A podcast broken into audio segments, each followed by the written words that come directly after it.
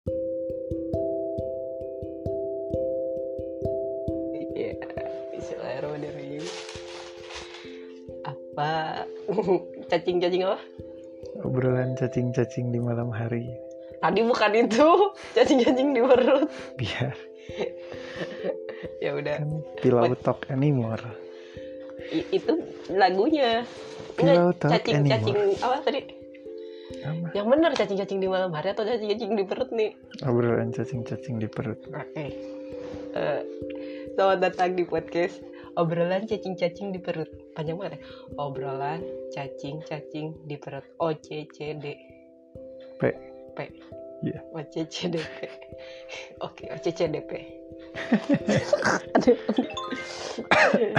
Terus yang ngomong nggak usah perkenalan lah, nanti bisa terkenal. Follow aja IG-nya. At Udin Sinasu pakai H. Ya udah at putri underscore pd tuh kan jadi gue. Tetapi saya dikunci sekarang. Jadi lagi nanti dibuka lagi lah. Kalau banyak fans. Gak ada. Eh, jadi podcastnya mau ngomongin apa coba? Eh, ini dulu bumper podcast lagu yang tadi. Pillow talk anymore. Pillow talk anymore. Pillow talk anymore like we used to do. We don't talk like kamu. Baik. Tapi karena udah malam jadi pillow talk. Iya. Da, tapi kalau didengerinnya siang-siang gimana? Eh, kita mau ngobrolin apa ya? Banyak. Hmm, yang ini dulu ya, yang nomor 4 dulu ya. Apa? Ini. Ya Ngobrolin apa? Ini Pertanyaan. mah uji coba podcast, Ya kan weh. biarin sekalian aja, weh. Biar ini. Tapi satu pertanyaan doang. Boleh. Jadi pertanyaan-pertanyaan yang sering ditanyain anak. Terus kalau misalnya yang sekarang eh, kamu ditanya tentang itu, kamu mau jawab apa? Belum punya anak kan? Belum baru mau.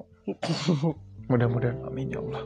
Iyalah pokoknya mah itu teh kalau anaknya udah eh, agak gedean dikit, yang udah bisa ngomong, udah bisa banyak nanya. Jawabannya apa? Seilmu yang kamu tahu saat ini, weh. Pertanyaan-pertanyaannya. Jadi saya yang nanya, kamu yang jawab ya. Hmm, Ya. kamu mau nanya apa? Hmm, misalnya nih anak ya nanya tadi kamu udah baca belum ya belum kan Belum. Ngapain Jangan nyontek nanya? ya. Ya, baca dulu. Emangnya wawancara? gak apa apa tuh jadi eh, tadi teh kedengar juga nih ada anak kecil nanya eh mah kenapa kita wudhu kan tadi teh udah mandi cina gitu kamu mau jawab apa jangan mama deng papa ya mama gitu Hari Ah, kamu. jangan sesuai cuma nanya ke orang tua lah mau ke mamanya atau ke bapaknya anaknya itu na- mau wudhu eh disuruh wudhu lagi kan terus dia bilang kan udah mandi jadi kenapa harus wudhu kenapa jawab Kalau abis mandi udu, sebenarnya ya tergantung anaknya segede kan apa. anaknya tiga tahunan eh ditanya aja pas mandi wudhu nggak? Atau pas mandinya niat wudhu nggak? anak tiga tahun Karena dari mulai 2 tahun atau sejak umur atau sejak dia bisa salah satu keahlian dari berjalan atau bicara, sebenarnya orang tua harus sudah mulai mengenalkan praktek ibadah dari dari mandi juga dari mandi, cebok gitu kan. Itu harus sudah mulai dikenalkan. Kalau dia jadi kok sudah- mandi besar udah dikasih tahu dari kecil iya, mandi besar dikasih tahu dari mandi, kecil bes- mandi besar itu karena yang mandinya anak kecil gak jadi mandi kecil Iya. eh cukup urutannya aja mandi itu jadi nanti eh, dia akan ngerti sendiri ketika gede oh ini tuh urutan mandi besar gitu kan. Jadi dia udah terbiasa nggak mandi besar pun urutan dia tuh memang udah seperti itu gitu. pasti wudhu dulu Iya, dan pasti keramas setiap hari oh, oh. hmm, bolehlah. agak bingung ntar harus keramas Kan keramasnya berapa abad sekali ya. enggak lah tetap dikasih tahu mandi biasa menurut Enggak, aku kayak keponakan aku kan si Gulaha itu dari sejak dia tuh dari TK tuh males mandi. Baru pas masuk SD karena masuk SD IT mandi itu jadi wajib. Mandinya kan nggak jelas gitu kan.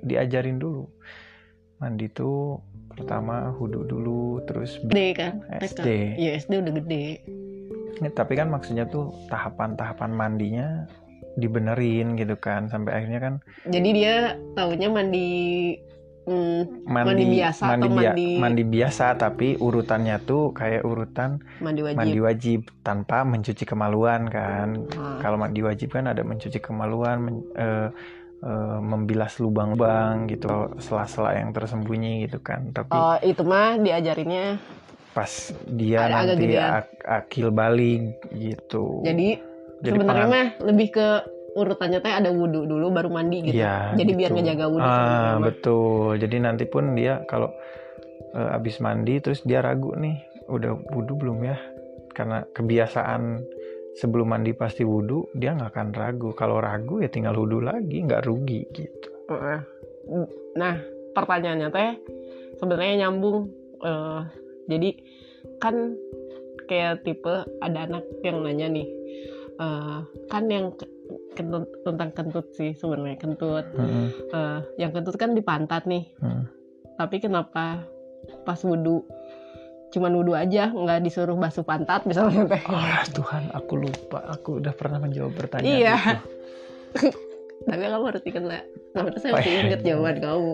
jawabannya kasih clue dong aku lupa nggak mau saya ingat kamu Kelu- lah maksudnya itu masih nyambung sama yang tadi kan iya clue-nya dulu lah enggak lah ini kan bukan bukan cerdas cermat ini mah iya kan aku lupa ya biarin atuh clue-nya tuh kayak jadi enggak kan tadi kan udah dibilangin nih dia tuh sebenarnya tuh eh, kayak tadi kan yang pertanyaan yang tadi berarti kenapa kita wudhu kan udah mandi pertanyaannya jadi dibalik kita sebelumnya harus ngajarin dulu dia cara wudhu cara sebelum wudhu mandi eh, wudhu sebelum mandi jadi eh oh batal nggak Diper- dibalikin gitu kan Hmm.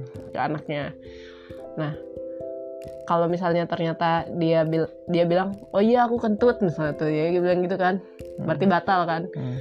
terus wudhu lagi kenapa kenapa kita wudhunya anggota tubuh yang dibasuh tuh nggak ada nggak ada pantat gitu yang wudhu biasa kan nggak Hmm. ada nggak ada harus kan kalau pipis atau pup mah dia harus cebok dulu lah Hmm.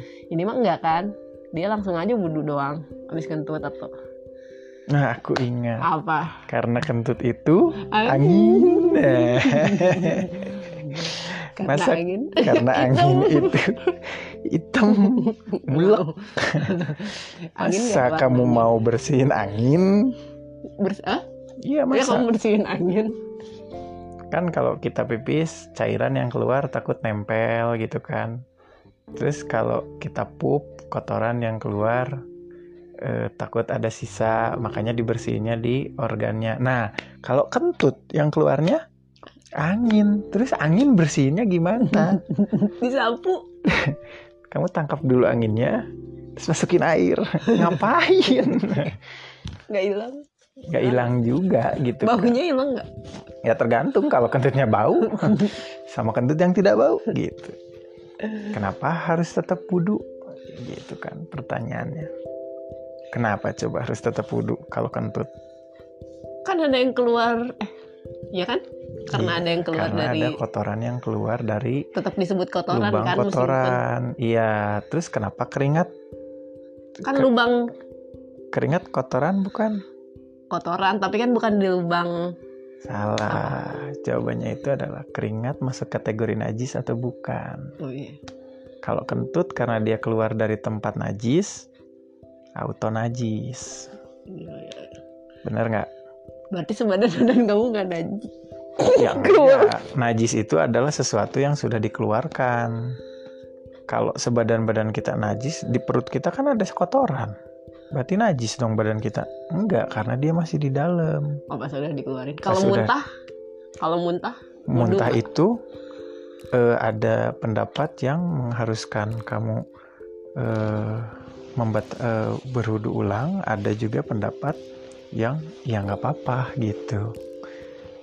ya tapi syariatnya lebih baiknya wudhu lagi aja karena kan kita mengeluarkan kotoran juga walaupun kan ada yang bilang muntah itu najis ada yang bilang muntah itu nggak najis gitu kan kalau ini mm, bedanya wudhu sama mandi kalau anak kecil nanya jadi kan Nah, wu- kalau wudhu, wudhu kan cuman dibasuh sedikit sedikit sedikit lah posisinya tuh cuman nggak seluruh badan tapi kalau mandi kan udah jebur semua ya udah we dia teh udah mandi berarti sama dengan udah wudhu kalau anak kecil bilang gitu gimana nah itu tugas kita mengajarkan fikih kepada anak.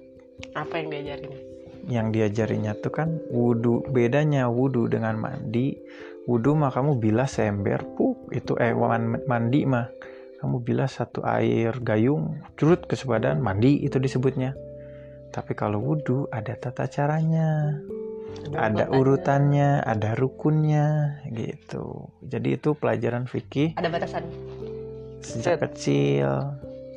Batasan kamu mau bilas sampai sini juga bebas. enggak kalau sampai sini doang kalau misalnya di bawah Nah, Ya, maksudnya di- bukan di- batasan, tapi sebelum- batas minimal. batas minimalnya maksudnya Ah. Nah, betul. Ya kan Kalau jadi batasan belajar. mah kamu berarti dibatasi, bukan batas minimal.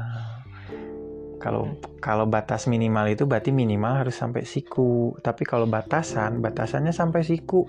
Berarti nggak boleh lebih dong, kalau kurang gitu kan? kalau Kalau kurang nggak justru, boleh kan nah kalau kita bilang batasannya siku, berarti kurang ada kemungkinan boleh. Makanya bilangnya batas minimalnya batas minimal sampai siku Sampai jadi kalau siku. kurang nggak boleh gitu batas minimal wajah sekeliling yang ada rambutnya misalkan ini eh, apa jambang jambang nih sini belakang ke sini kan kena nih rambut segini jadi wajah wajah gitu kan misalkan ada janggut ternyata janggutnya tumbuhnya di sini ya udah sampai Sama. sini urutannya kalau maksudnya kalau mandi dari atas kepala jerut langsung turun ke bawahan tapi kalau Hmm. ini kan posisinya tengah lah terus ke atas terus ke bawah gitu posisinya tuh wudhu enggak dari atas ke bawah wudhu itu tangan tangan kan di tengah bukan rukun kalau cuci tangan.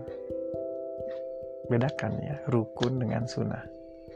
Rukun itu wajib, sunnah itu nggak dilakukan nggak apa-apa. Cuci jadi nggak cuci tangan boleh boleh, nggak cuci tangan itu boleh, iya boleh. Nggak cuci tangan itu boleh, nggak kumur kumur nggak kumur-kumur boleh.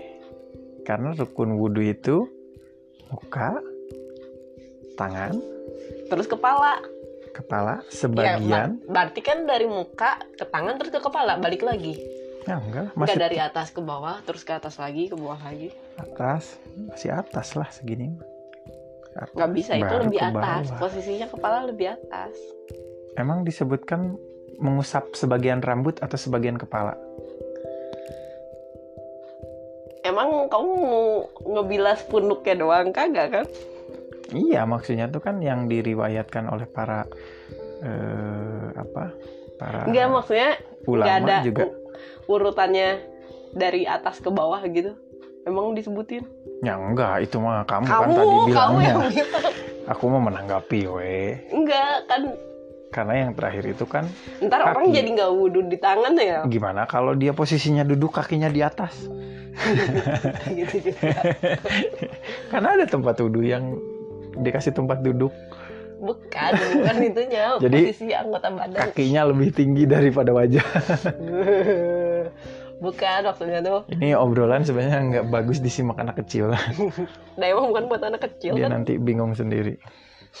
ini posisi lo ngapain coba kaki ada di atas wudhu terus anak kecil wudhu headstand Mm-mm. gara-gara kamu enggak maksudnya jadi sebenarnya kayak hmm, nggak tahu lah nanti kita cek lagi ya rukun wudhu rukun wudhu beneran nggak ada tangan nih Eh, bukan nggak ada tangan, cuci tangan.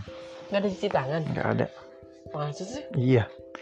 Niat, membasuh wajah, membasuh tangan sampai ke siku, gitu Ya. kan? Minimal. Mau kamu bilas sampai sini juga boleh, sampai bahu. kumur-kumur tadi Kumur-kumur enggak?